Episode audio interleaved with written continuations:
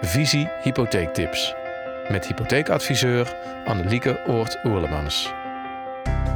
In deze hypotheektip Kan ik mijn hypotheek verhogen? Soms is het handig om je hypotheek te verhogen. Bijvoorbeeld als je een grote verbouwing wilt doen of een deel van de waarde in je huis opnemen om aan iemand te kunnen schenken. Hoe gaat dat in zijn werk?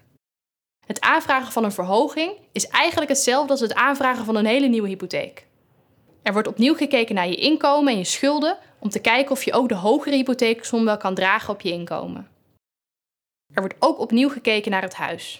In veel gevallen moet dat opnieuw getaxeerd worden. Dat betekent dat je relatief hoge eenmalige afsluitkosten hebt bij het verhogen van je hypotheek. Als het maar om een verhoging van een paar duizend euro gaat, kan het zinvol zijn om dat op een andere manier te financieren. Heb je een groot bedrag nodig, dan is het zeker de moeite waard om te overwegen om je hypotheek te verhogen. Omdat je toch eigenlijk een heel nieuw stuk hypotheek moet afsluiten, kan het de moeite waard zijn om te bekijken of je misschien je hele hypotheek kan oversluiten, je rentecontract openbreken.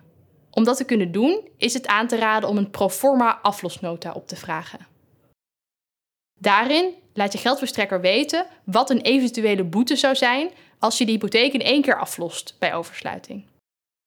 Met die boeteberekening kan een adviseur voor jou uitrekenen of het zinvol is om je hele hypotheek over te sluiten of om alleen een stukje verhoging te gaan regelen. Ben je benieuwd naar jouw mogelijkheden? Overleg dan met een van onze hypotheekadviseurs.